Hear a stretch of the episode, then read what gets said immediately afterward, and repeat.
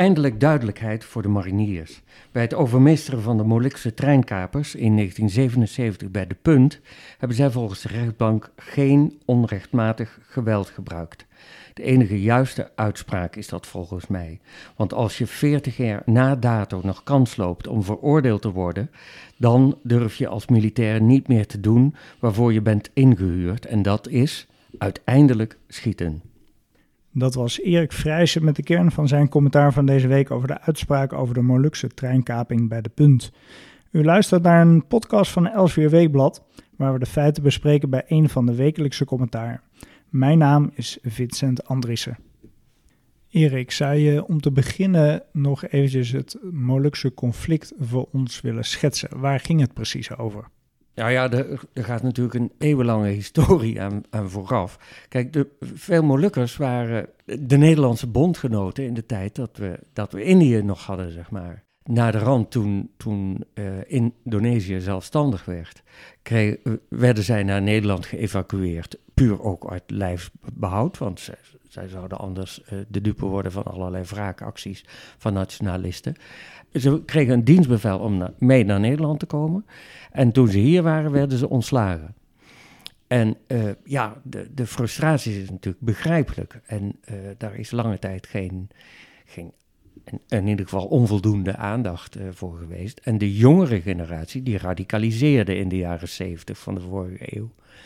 En dat heeft geleid tot een aantal gewapende acties. Um, die natuurlijk niet goed te praten zijn. Onschuldige mensen zijn daardoor het slachtoffer geworden. Want ik begreep dat um, de Nederlandse regering ooit heeft beloofd aan die Molukkers dat ze een eigen staat zouden kunnen stichten. Ja, dat is beloofd. Uh, in de tijd, uh, kort na de, na de uh, onafhankelijkheid zeg maar, van Indonesië, werd gezegd van ja, maar Nederland had altijd uh, gepropageerd dat Indonesië wel onafhankelijk zou mogen worden, maar dan als een soort Verenigde Staten van Indonesië waarbij ook de Molukken een eigen staat zouden vormen, min of meer onafhankelijk van Jakarta. En, of van Batavia, zoals het toen nog werd genoemd. En um, op het moment van die Molukse acties was dat eigenlijk geen reële optie meer. De, de, en nog steeds, de Molukken, Molukkers hebben dat, dat streven naar een eigen staat natuurlijk nooit opgegeven. Maar realistisch was het op dat moment al niet meer. En dat ja, dat is ook natuurlijk het tragische van deze hele geschiedenis. Dat een, een jonge, een, categorie, een jeugdige categorie uh, van deze bevolkingsgroep dan radicaliseert op, op zo'n moment. En dat heeft dan dus inderdaad geleid tot een aantal acties waarbij dan de inzet was om toch af te dwingen om een eigen staat uh, nou, ja, ik, denk, ik denk dat ze, dat ze Nederland het nodige konden verwijten. Uh, maar om daar dan onschuldige mensen het slachtoffer van te laten worden, dat was natuurlijk uh, niet goed te praten. En wat gebeurde er uiteindelijk in 1977 bij de punt? Toen hebben een negental Molukse activisten, wij zouden vandaag de dag zeggen terroristen, hebben een trein gekaapt waarin meer dan 50 mensen zaten. Drie weken is er onderhandeld tussen de regering Den Uyl en uh, minister van Acht van Justitie tegenover de uh, bemiddelaars, uh, die dan weer contact hadden met, met treinkapers. Dat heeft tot niets geleid en uiteindelijk heeft de regering bevolen dat mariniers die trein zouden bestormen om de gegijzelden te bevrijden. Dat is gelukt, met die verstande dat twee treinpassagiers de dood hebben gevonden en dat zes van de negen uh, kapers het ook niet hebben overleefd. Drie anderen zijn voor, uh, door de rechter veroordeeld. Uh, de rechter oorde oordeelde dat de mariniers mochten verwachten dat er geweld tegen hun zou worden gebruikt. Ze moesten dus extra alert zijn dat ze niet door de kapers zouden worden doodgeschoten. Te meer ook omdat bij eerdere Molukse acties, namelijk een bezetting van het Indonesische ambassade in Wassenaar, een viertal jaar eerder. En anderhalf jaar eerder bij een andere treinkaping bij Wijster. Uh, toen zijn er doden gevallen. De uh, Molukkers hebben toen mensen doodgeschoten uh, bij die ambassade naar Gent. En bij die andere treinkaping hebben ze de, de machinist en naderhand twee inzittenden gewoon in koele bloeden doodgeschoten. Dus in volgens het vonnis van de, de, rechter was bij de kaping bij de punt wel degelijk een, een groot risico en een, uh, voor, de, voor de mariniers aanwezig. Dus ze mochten aannemen dat er op hun zou worden geschoten. Is er um, direct na die, die uh, kaping en, en de afloop van die kaping, is er toen al discussie geweest over uh, de afloop en, en hoe die mariniers zich daar hebben gedragen? Nou, ik herinner me dan nog goed. Ik zat toen net op de universiteit en toen was het toch in, in heel Nederland een grote opluchting. Van eindelijk, het is goed af. natuurlijk, iedereen vond het droevig dat uh, twee uh, gegijzelden waren omgekomen. Maar zoals ik me herinner, was er niet echt veel mededogen met, uh, met de Molukse kapers. Dat is pas veel later gekomen. Toen zijn er rechtszaken begonnen tegen de Nederlandse staat. En overigens niet tegen de mariniers zelf.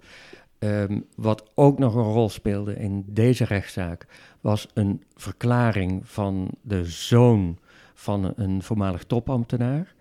En uh, die uh, man heeft verklaard dat hij destijds zijn vader complimenteerde met een goede afloop, proficiat. En dat zijn vader tegen hem zei: Nou, nee, het is niet goed afgelopen. Hoezo? Uh, want alle kapers hadden moeten worden omgebracht. En er had er één mogen overleven. Maar ik denk dat die man, althans dat vindt ook de rechter, die man heeft dat uit een soort opwelling gezegd. Toen de euforie was groot van eindelijk, dit is voorbij.